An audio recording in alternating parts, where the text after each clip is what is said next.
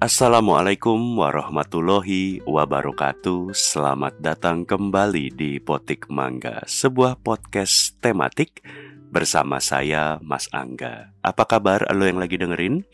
Semoga dalam keadaan sehat walafiat. Amin ya robbal alamin.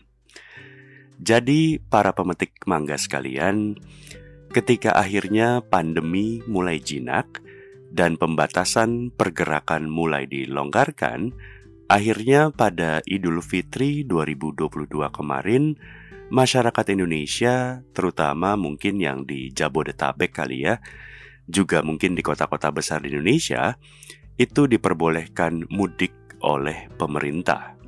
Jadi setelah dua kali lebaran di tahun 2020 dan 2021, itu pemerintah bisa dibilang melarang mudik. Tahun ini Akhirnya lebaran kemarin pemerintah membolehkan orang-orang untuk mudik. Jadi ya sebelum jadi Bang Toib ya yang tiga kali lebaran gak pulang-pulang, akhirnya di lebaran ketiga boleh pulang kampung. ya mudik atau pulang kampung walaupun ada kontroversi secara definisi karena konon artinya beda, menurut gua sih agak mirip-mirip karena memang baik mudik ataupun pulang kampung secara kegiatan adalah kembali di mana kita lahir atau kembali ke rumah keluarga gitu. Dan mudik memang sebuah tradisi di Indonesia. Artinya um, mungkin mudik ini, tradisi mudik ini berkembang setelah adanya arus urbanisasi di Indonesia uh, di tahun mungkin 80-an, 90-an sampai sekarang ini. Karena maksud gua, nggak mungkin dong ada tradisi mudik kalau sebelumnya nggak ada arus urbanisasi duluan. Dan kenapa orang bisa mudik? Karena tentu alasannya adalah pada bekerja, nyari duit, atau sekolah menuntut pendidikan keluar dari tempat mereka tinggal dan terutama lagi cabutnya ke kota-kota besar gitu. Uh, dan di Indonesia secara ekonomi kayaknya nggak ada kota yang lebih besar daripada Jakarta. Makanya para perantau dari berbagai daerah di Indonesia yang mengadu nasib di ibu kota Jakarta kemarin setelah ditahan nggak bisa mudik selama dua tahun, akhirnya bisa kembali mudik lagi. Dan mudik memang adalah sebuah tradisi tahunan buat para perantau. Gue pernah bilang, atau mungkin kayaknya gue posting di Instagram gue ya, gue lupa sih. Kalau gue emang tidak pernah mudik sama sekali. Jadi karena gue lahir besar di Jakarta, sekolah di Jakarta, nyari duit kerja di Jakarta, keluarga gue semua di Jakarta, bahkan bokap gue almarhum pun sudah lahir di Jakarta. Dan nenek-nenek gue itu dulu juga sudah tinggal di Jakarta. Jadi gue memang gak pernah sekalipun mudik dalam hidup gue karena emang gak ada tujuan buat gue pulang ke kampung setiap kali hari raya. Makanya setiap tahun ketika gue ngeliat berita di TV atau sekarang di sosmed tentunya ya mengenai berita-berita mudik, gue sama sekali nggak relate. Maksud gue gini, dalam bayangan gue bagaimana orang bisa menempuh perjalanan selama berjam-jam di atas kendaraan baik pribadi maupun umum buat bisa sampai ke tujuan ke kampung halaman gitu. Kemudian gimana harga tiket pesawat, tiket kereta api, hampir semua transportasi umum semuanya biasanya sudah habis dan kalaupun ada harganya mahal sekali. Belum lagi kalaupun lu mendapatkan tiket dari transportasi umum, itu lu harus berdesakan baik di bandara, di terminal, di stasiun kereta api, di pelabuhan gitu. Makanya gue sama sekali nggak relate gitu. Bahkan gue bersyukur gitu kalau gue nggak perlu melewati proses mudik setiap tahunnya, setiap kali lebaran, setiap kali hari raya gitu. Gue bersyukur kalau gue bisa menikmati hari raya tanpa harus merasakan mudik yang menurut gue, sepenglihatan gue dan sepengetahuan gue memang cukup bikin apa ya puyeng mungkin ya cukup bikin sebuah keribetan cukup uh, berat lah cukup menantang mungkin ya. Karena itu tadi karena gue nggak relate sama itu semua dalam benak gue kok bisa ada orang yang mau berjam-jam di mobil, macet-macetan, atau kalaupun naik transportasi umum, mereka mau beli tiket mahal, berdesak-desakan di tempat umum gitu ya, demi pulang kampung yang kadang durasinya cuman beberapa hari doang gitu. Gua nggak ngerti sama konsep itu semua. Tapi, tapi di satu sisi ketika gua mencoba melihat dari sudut pandang lain dari mudik, gua ngerti akan yang namanya konsep rindu, konsep kangen. gua ngerti kalau misalnya kangen, kangen sama orang tua, kangen sama pasangan, kangen sama anak, bahwa ketika lo kangen, ketika lo rindu, itu adalah sebuah hal yang tidak bisa ditunda. Jadi kan rindu itu kan konon seperti dendam ya, harus dibayar tuntas gitu. Jadi kalau dilihat dari konsep kangen konsep rindu, gue akhirnya mengerti dan paham kenapa harus mudik. Dan tentu setelah akhirnya pemerintah membolehkan mudik, akhirnya setelah dua tahun secara resmi para perantau ini boleh mudik di Indonesia, tentu rekor tercipta.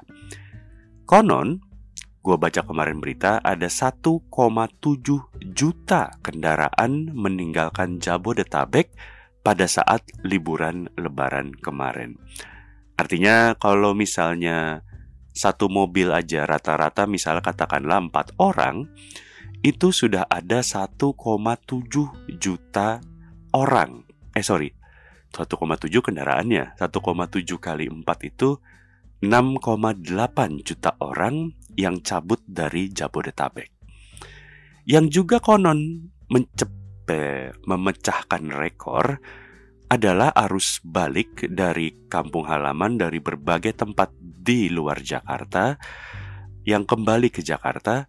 Konon rekornya adalah tercatat ada 170 ribu kendaraan yang masuk ke Jakarta dalam satu hari pada tanggal 7 Mei 2022. Ini angka-angka membuktikan kalau mudik emang adalah sebuah tradisi yang besar di Indonesia. Mudik itu adalah saat-saat yang dinanti dan mudik adalah fenomena yang terjadi setiap tahun. Dan menurut gue dari yang gue baca, dari yang gue lihat, gue merasa sepertinya dari sisi persiapan pemerintah dalam menghadapi mudik, menurut gue udah semakin baik. Udah nggak ada berita yang viral, macet berjam-jam sampai ada korban jiwa. Gue kemarin pun baca angka korban jiwa yang terjadi di mudik 2022 ini turun sekitar hampir 50% dibandingkan mudik tahun 2019. Artinya sebuah angka yang sangat signifikan dan kebijakan demi kebijakan demi lancarnya mudik tahunan ini pun kayaknya menurut gue berjalan sesuai rencana. Kayak misalnya kemarin gue tahu ada kebijakan one way, ada kebijakan kontraflow pada saat mudik dan arus mudik. Kayaknya itu semua membuat jalanan cukup lancar.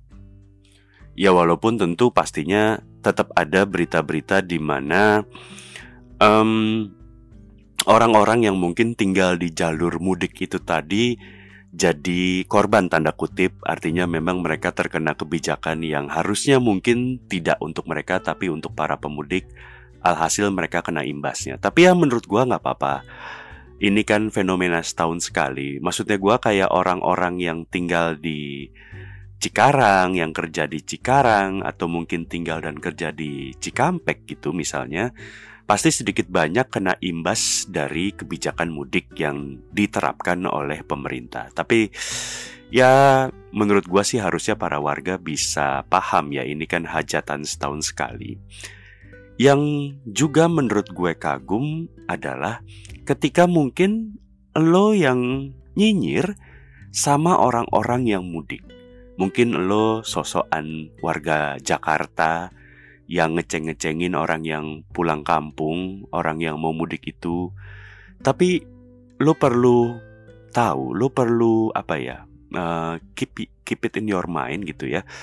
Bahwa ketahuilah mudik itu sama sekali tidak murah. Jadi, pemudik itu, orang yang melakukan mudik, itu bawa duit banyak, makanya berani mudik. Makanya orang-orang yang berani mudik adalah orang-orang yang siap mengeluarkan uang secara banyak.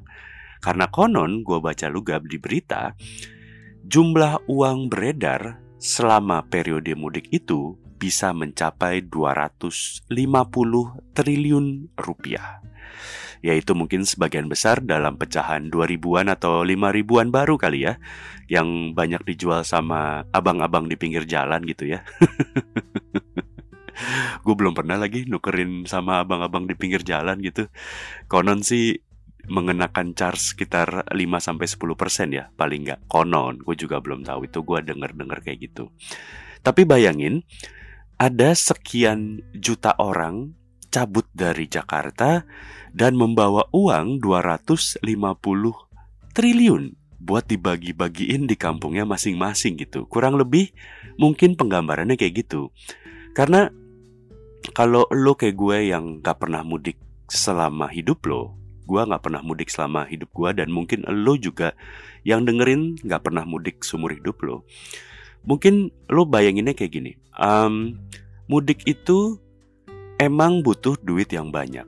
Maksud gue kalau lo gak relate sama mudik, lo coba bayangin kayak lo liburan, lo liburan kan butuh duit butuh uang buat beli tiket pesawat atau mungkin naik kereta atau kalau lo bawa mobil lo butuh bensin, bayar tol gitu. Dan dengan adanya macet, lo butuh bensin lebih banyak. Belum lagi mungkin makan lo sepanjang jalan. Sudah selesai perjalanannya, lo udah keluarin tiket, lo keluarin bensin segala macem. Sampai sana lo butuh duit buat ngasih keluarga, buat ngasih bokap nyokap, buat ngasih anak istri belum lagi bocah-bocah tetangga, ponakan, pak de, bude, paman, bule, sanak famili lainnya yang mungkin lo baru pertama kali ngeliat mukanya gitu. Ada aja tuh yang minta-minta duit gitu. Terus selesai di hari rayanya, setelah lebarannya kelar, lo mungkin mengajak keluarga keliling tempat wisata. Makanya tempat-tempat wisata selalu ramai pada saat periode lebaran gitu. Baik itu mall, kafe, resto, ya semua tempat wisata gitu.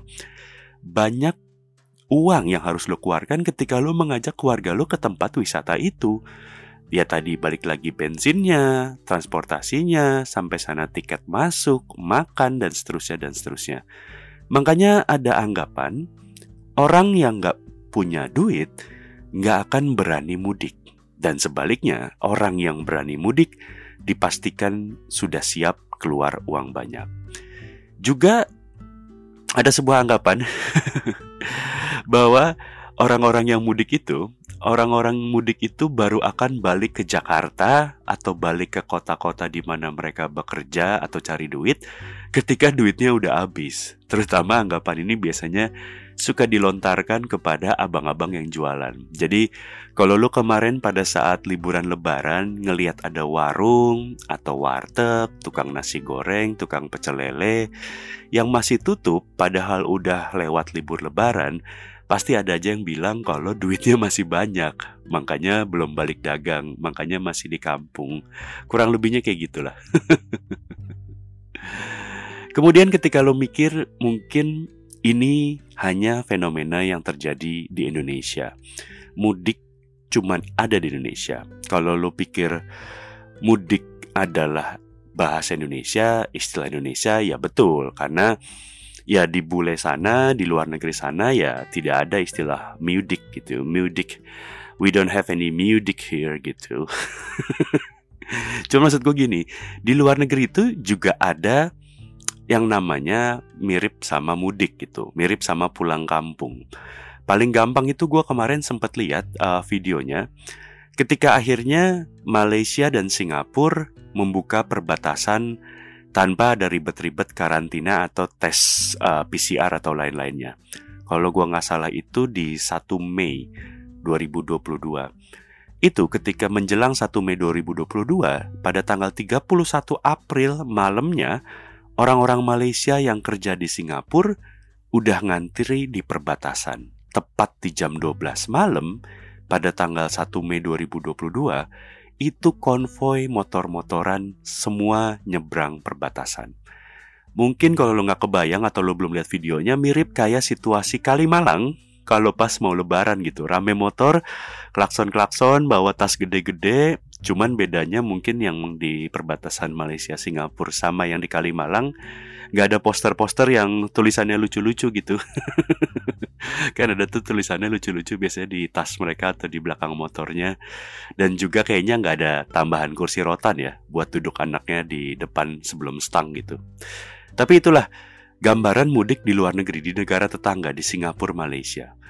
Uh, di luar negeri kayak India pun juga ada mudik. Kalau lo Google foto-foto mudik di India, zaman dulu itu uh, foto-fotonya biasanya menunjukkan kereta rame penumpang sampai ke atap-atap, persis kayak KRL Jabodetabek sebelum eranya Pak Jonan. Jadi para penumpang itu ngebludak, mungkin ada yang dapat tiket, ada yang enggak, tapi semua pengen mudik, kurang lebihnya kayak gitu. Bahkan di Amerika Serikat ada namanya Thanksgiving. Thanksgiving itu ada juga tradisi buat pulang ke kampung halaman untuk makan malam sama keluarga gitu. Jadi misalnya anaknya sudah dewasa atau mungkin sudah menikah, biasanya mereka pulang ke rumah orang tuanya untuk dinner itu di Thanksgiving Day, itu di bulan November. Juga mungkin kalau yang mirip-mirip ada istilah homecoming. Jadi tapi biasanya homecoming itu lebih ke arah acara untuk reunian SMA atau kuliah gitu ya. Homecoming kalau ditranslate ya pulang kampung. Jadi ya istilah tradisi pulang ke rumah, pulang ke kampung halaman emang bukan eksklusif punya orang Indonesia doang gitu. Jadi tapi memang yang membedakan di Indonesia uh, itu dan mungkin banyak negara Muslim lainnya yang paling rame karena kita memang mayoritas penduduknya beragama Islam, mayoritas kita menggunakan hari raya Idul Fitri untuk melakukan mudik karena liburnya pun mungkin relatif lebih panjang, kurang lebihnya kayak gitu. Jadi kalaupun ada biasanya memang ada pula yang mudik pada saat uh, Idul Adha. Tapi secara tradisi mudik Idul Adha memang tidak seheboh mudik Idul Fitri gitu. Mungkin nggak akan ada rekor mudik kayak kemarin dan yang mudik pun nggak sebanyak kemarin gitu. Tapi yang jelas um, dengan segitu banyaknya orang mudik pada saat liburan Lebaran Idul Fitri aja, di Jakarta itu hari pertama aja masih macet banget. Masih banyak mudik lokal. Mudik lokal itu misalnya yang di Jakarta Selatan, mudik ke Bintaro, ke Tangsel, ke Bekasi, ke Depok gitu. Belum lagi yang lebarannya mudiknya ke kuburan, model-model gue gini. Jadi gue kemarin lebaran hari pertama, itu gue ziarah ke makam bokap gue di TPU Karet Bifak. Dari belok kiri Jalan Sudirman sampai ke TPU Karet Bifak itu satu jam. Satu jam untuk jarak yang mungkin 3 km paling jauh gitu. Luar biasa. Tapi ya udah mau gimana lagi. namanya juga namanya ya. Tapi setidaknya menurut gue gini, keramaian mudik dan pelonggaran seluruh aktivitas silaturahmi selama hari raya lebaran kemarin itu setidaknya menunjukkan bahwa pandemi sudah semakin terkendali. Artinya apa? Artinya semoga ke depannya situasi menjadi semakin baik. Ekonomi kembali bisa bergairah, bisa sejahtera, bisa nyari duit lagi. Nyari duitnya untuk apa? Ya tentunya nyari duit buat mudik tahun depan. Anyway, ini akan tayang pada 9 Juli 2022. Jadi hari ini 9 Juli 2022 um, adalah hari raya Idul Adha. Selamat hari raya Idul Adha buat uh, seluruh muslim di Indonesia. Semoga Idul Adha hari ini kita juga tetap bisa sehat, dan bisa silaturahmi kepada sanak famili, keluarga, dan seluruh teman-teman yang ingin kita silaturahmi. Terima kasih sudah mendengarkan Petik Mangga. Sampai jumpa di episode lain. Assalamualaikum warahmatullahi wabarakatuh.